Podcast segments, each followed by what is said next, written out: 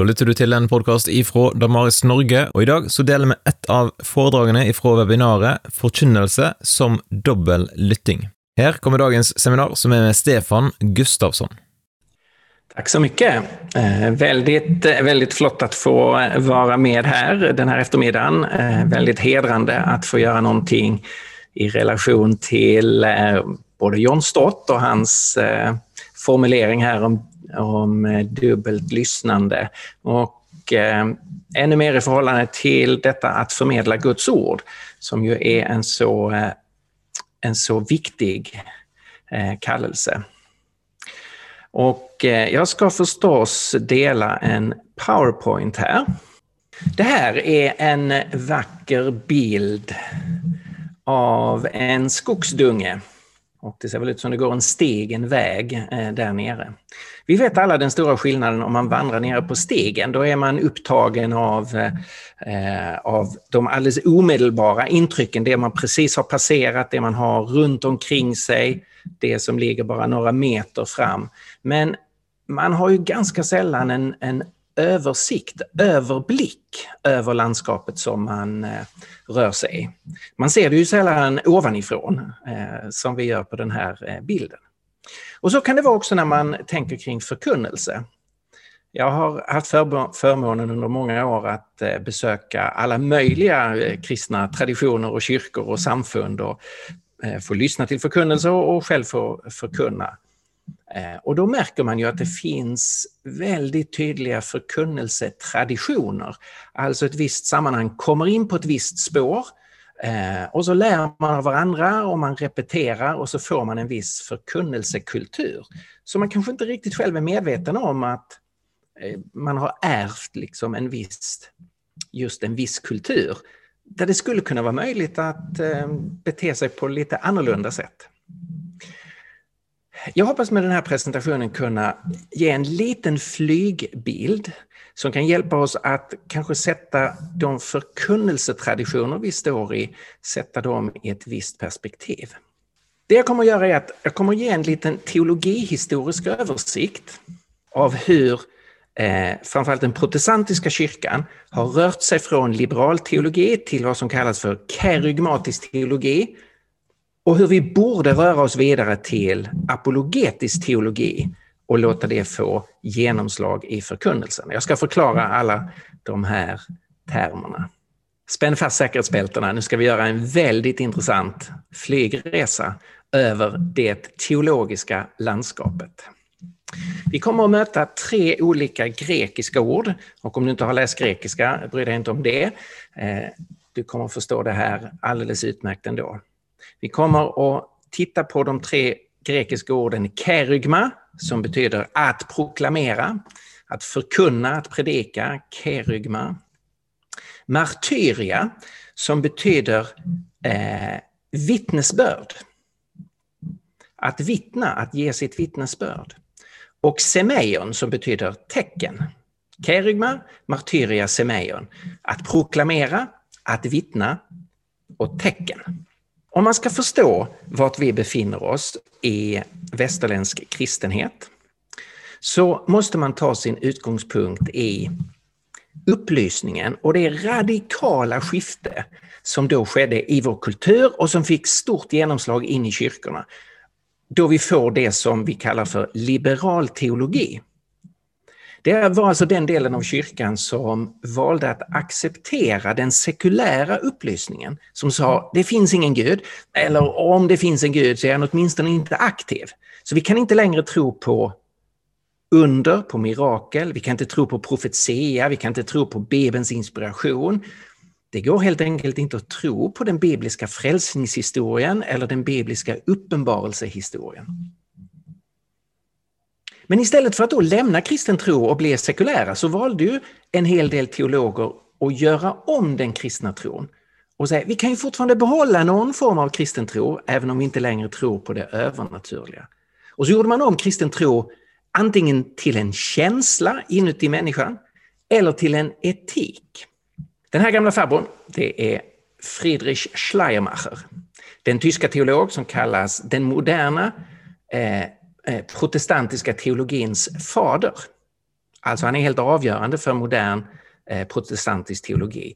Han väljer att göra om kristen tro till känsla.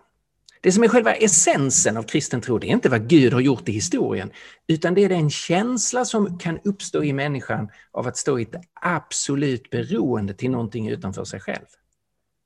Kristen tro som känsla. När man firade 250-årsjubileet av Schleimer i Tyskland, som ser ni i rubriken här, Religion ist ein Gefühl. Religion är en känsla. Det är det det handlar om. Det andra alternativet det var att göra om kristen tro till en etik. Och här har ni den främsta representanten för det, Adolf von Harnack, som i sin bok Vad är kristendom? Just definierar om den kristna tron. Det är inte frälsningshistoria, utan kristen tro, äh, kristen tro handlar om the fatherhood of God and the brotherhood of man. Alltså Gud som alla människors fader, för han har ju skapat oss, alltså tillhör vi honom, är hans barn, han är vår fader. And the brotherhood of man, vi är alla syskon på jordklotet och därför ska vi göra gott mot varandra. Så kristen tro handlar om kärleken till nästan och det i sin tur betyder då arbete för social rättvisa. Det här var liberalteologin. Gradvis så märkte ju många i kyrkan att det här är ju en återvändsgränd. Vi har ju inte längre någonting att förkunna. Och det kom en vändning i eh, början av 1900-talet mot det som man kallar för kerygmatisk teologi. Vi måste ha någonting att proklamera och man försökte hitta tillbaka till mer ursprunglig kristen tro. Där man ville återinföra frälsningshistorien. Och nyckelpersonen här är Karl Barth. Och han representerar det man kallar för nyortodoxin. Alltså inte ortodoxi i betydelsen renlärighet, alltså att man gick tillbaka till det som fanns före upplysningen, utan en ny form av ortodoxi. Där man fortfarande accepterar en del av det sekulära upplysningstänkandet, nämligen att den här verkligheten vittnar inte om Gud. Förnuftsmässigt har vi ingen anledning att ta det här för sant. Men då säger Karl Barth att vi ska tänka på ett annat sätt. Gud är den helt annorlunda. Och därför kan vi inte förvänta oss att vi ska kunna se några spår av Gud. Utan mötet med den Gud som Bibeln talar om, det är ett möte där Gud uppenbarar sig senkrecht från oben, är ett känt uttryck från honom, lodrätt från ovan. Så i en verklighet, i en värld där det inte finns några tecken på Gud, där det inte finns med klassiskt språkbruk ingen allmän uppenbarelse, så kan Gud komma till människan oväntat och bryta in i människans liv. Det här sättet att tänka fick en stark exegetisk eh, motivering utifrån en mycket uppmärksammad och spridd bok av den engelske NT-forskaren Dodd. Han gav ut en bok som hette The Apostolic Preaching, eh, eh, The Apostolic Preaching and its Development.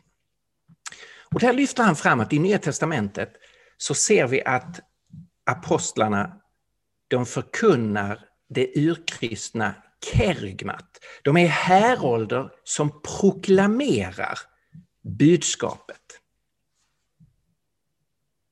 Det här passade då väldigt bra in i det som Karl Barth hade sagt. Aha, det som är vårt uppdrag det är inte att förklara och försvara den kristna tron, utan det är att vi ska vara en härold som proklamerar budskapet.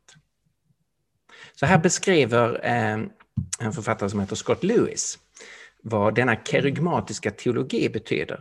According to kerygmatic theologians, when the content of the primitive kerygma is preached today, that is Jesus' death and resurrection, it is understood that God calls upon hearers to believe in God's act in Christ, so that hearers recognize their judgment of sin and receive grace in the present. In other words, this proclaimed word is an existential encounter with Jesus, where the saving event of God, as described in the historical context of the kerygma, reoccurs in the proclaiming act in the present. Det här passar väldigt bra in i delar av luthersk teologi och fick stort genomslag i de lutherska traditionerna. Alltså vårt uppdrag är att predika ordet. Och bara genom att själva predikandet av ordet så får människan ett existentiellt möte med Gud. Så kan Gud, sen från von oben, bryta in i människans liv. Och det här är ju helt sant och helt rätt. Men frågan är om det är tillräckligt och om det verkligen återspeglar Nya testamentets förhållningssätt. Donald Blush säger så här om kerygmatisk teologi.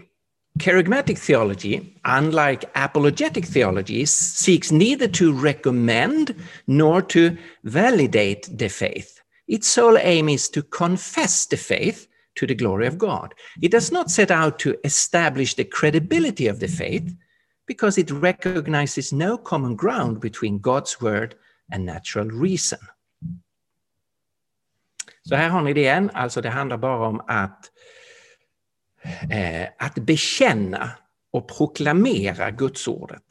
Intressant nog så gick det inte jättelång tid inom NT-forskningen förrän en del nya tankar dök upp. Den här boken av Dodd eh, om, den, om Kerygmat, den kom ut 1944 20 år senare så eh, publicerades det en festskrift för att hylla Dodd. Och i en av artiklarna i den festskriften eh, så skriver en forskare så här. I sometimes wonder whether the term kerygma has not been worked too hard and whether the term martyria and its cognate would not better describe the primitive and indispensable core of the Christian message. There's nothing here that will make uh, Dodd's The Apostolic Preaching and its development less important than when it first appeared, but there is room for another monograph on the Apostolic Testimony. Alltså det här skulle behöva kompletteras med martyria, vittnesbördet. Och 1977 så kommer det just en sån monograf, NT-monograf. Och det leder oss över till min tredje punkt, då, apologetisk teologi, kristen tro byggd på vittnen och på tecken. Det är en NT-forskare eh, som heter Alison Trites som har gav ut en bok som heter The New Testament Concept of Witness. Och i den boken skriver han In fact, Martyrs and its 14 cognates, alltså grundformen av martyria, and its 14 cognates appear over 200 times in the New Testament. The most frequent use is in the Johannine writings, where witness terms are found about 83 times. Alltså, vittnesbördsteologin är mycket vanligare än kerygmateologin i Nya Testamentet. Över 200 gånger i NT. 83 gånger bara i eh, eh, Johannes skrifter. Om man tar Johannes evangelium så kan man se att eh, ordformen martyria, vittnesbörd, finns 14 gånger och martyrein, att vittna, finns 33 gånger. Det är alltså någonting väldigt centralt för evangelieförfattaren. Det här har idag slagit igenom i eh, NT-forskningen. Så här säger eh, Maccini. Det är svårt att överbetona vittnesorden martyrein och martyria hos Johannes. Alltså det är så centralt. Man kan inte, man kan inte stryka under det eh, starkt nog.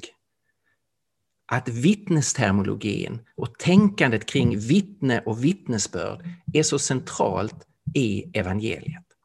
Och det noterar vi ju själva som läsare. I själva introduktionen så nämns detta med vittne. Johannes kom som ett vittne för att vittna om ljuset. Så att alla skulle komma till tro genom honom. Själv var han inte ljuset, men han skulle vittna om ljuset. Det är tre gånger bara i de inledande verserna i Johannesevangeliet. Och så slutar evangeliet med att det är den lärjungen som vittnar om allt detta och har skrivit ner det och vi vet att hans vittnesbörd är sant. Så hela evangeliet är inramat av detta med vittne och att vittna. Och sen har Johannes valt att presentera tio vittnen.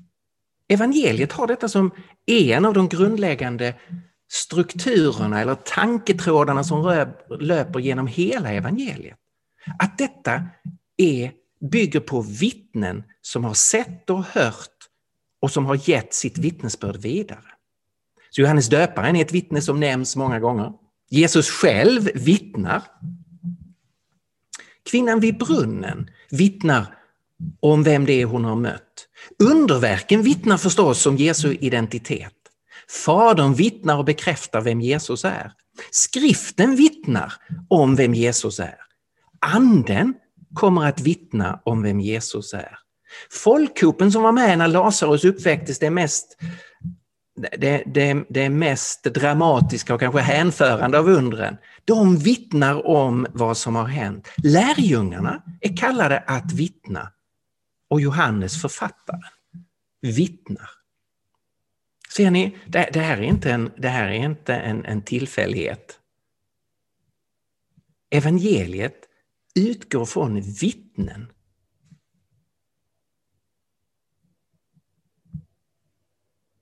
En tysk forskare som heter Johannes Beutler säger arrangemanget med enskilda vittnen för Jesus, och här är då tio stycken olika vittnen, blir till en konsekvent och sammankopplad argumentation utifrån vittnesbörd.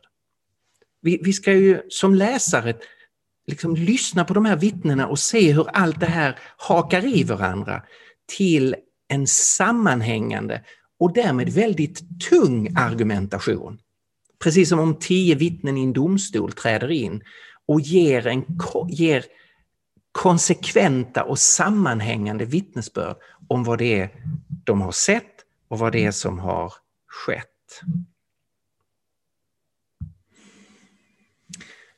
Det som Johannes gör när han strukturerar sitt evangelium på det här sättet, det är inte någonting som liksom står för sig själv hos Johannes. Han är tydligt inspirerad av profeten Jesaja. Och det här kan man se på flera sätt. Hur eh, Jesaja, denna mäktiga profetrulle och profettext, hur den har inspirerat Johannes. Man kan till exempel tänka på så att i den grekiska översättningen i Septuaginta så finns uttrycket ego eimi 16 gånger. Alltså jag är, det som är en annan sån här tanketråd och struktur som Johannes har i sitt evangelium. Att Jesus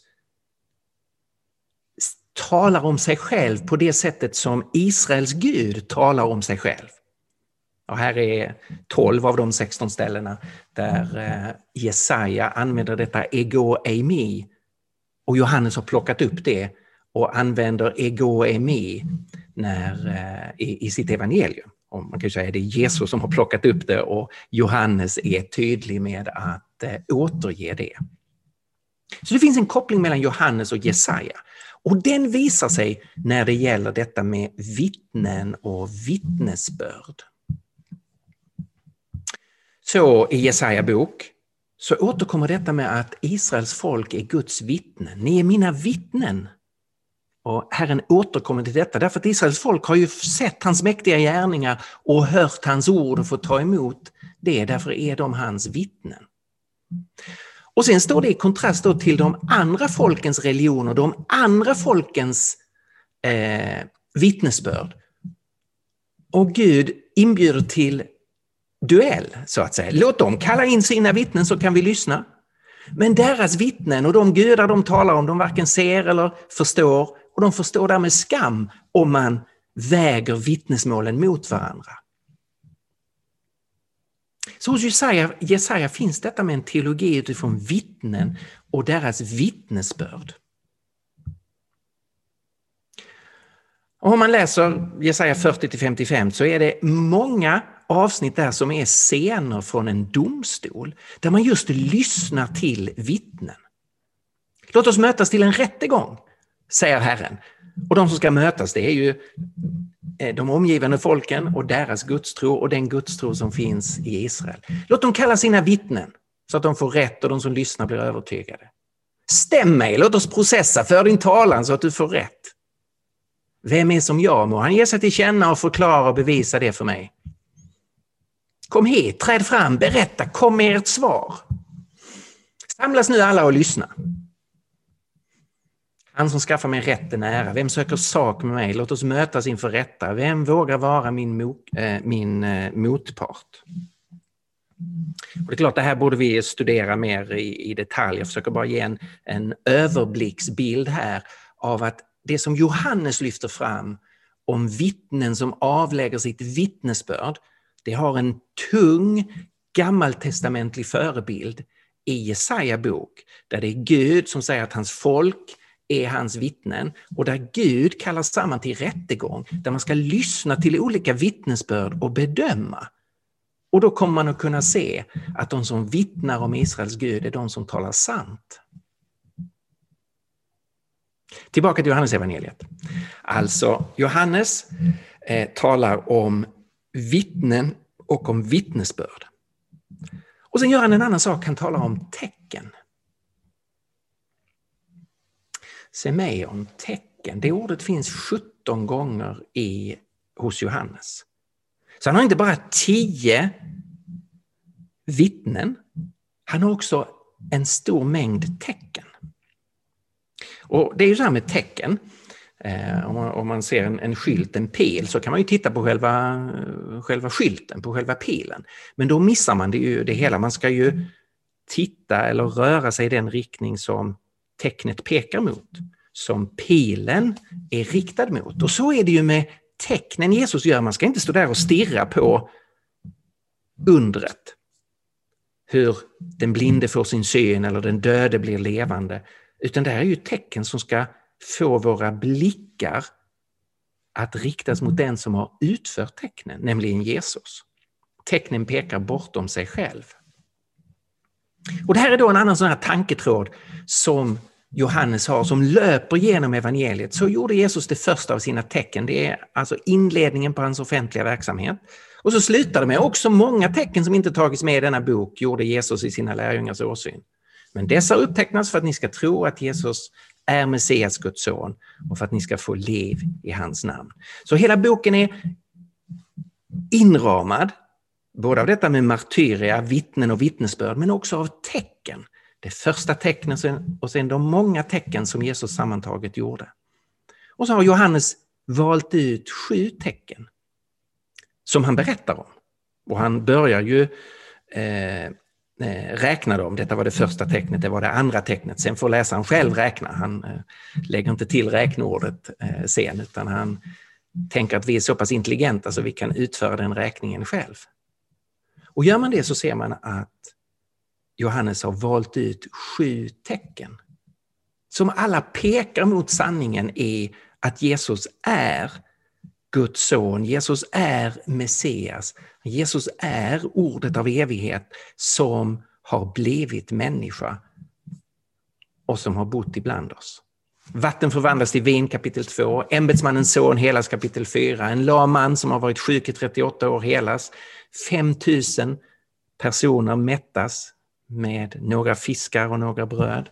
Jesus går på vattnet och är herre över skapelsen. En blindfödd man helas och Lazarus uppväcks från de döda. Så, vi ska proklamera den kristna tron och räkna med att den heliga Ande använder förkunnelsen av Eh, vem Jesus är, av hans liv och hans död och hans uppståndelse. Så eh, det finns ett stort utrymme för kerygmatisk teologi, men den ska inte stå isolerad för i så fall är vi inte trogna mot Nya testamentets hållning. Utan den måste ställas tillsammans med eh, martyria, med vittnesbördet om vad som har hänt, om vad Gud har gjort, vad som har skett inför verkliga människors ögon och öron. Och det behöver stå tillsammans med tecknen som pekar mot Jesus. Och det här behöver vi väva in i vår förkunnelse så att vi inte bara har en naken proklamation som påstår saker. Eh, utan där vi, där vi går igenom vittnesbörden och vittnena och prövar deras trovärdighet och där vi tittar på tecknen och vad det är de pekar emot. Så vi behöver absolut eh, gå från en liberal teologi till en annan sorts teologi, från liberal teologi till en karigmatisk teologi. Men vi har ett desperat behov av att vidga den kerygmatiska teologin så att den också blir en vittnesbörds och en teckenteologi. Därför att det är så Nya Testamentet presenterade för oss.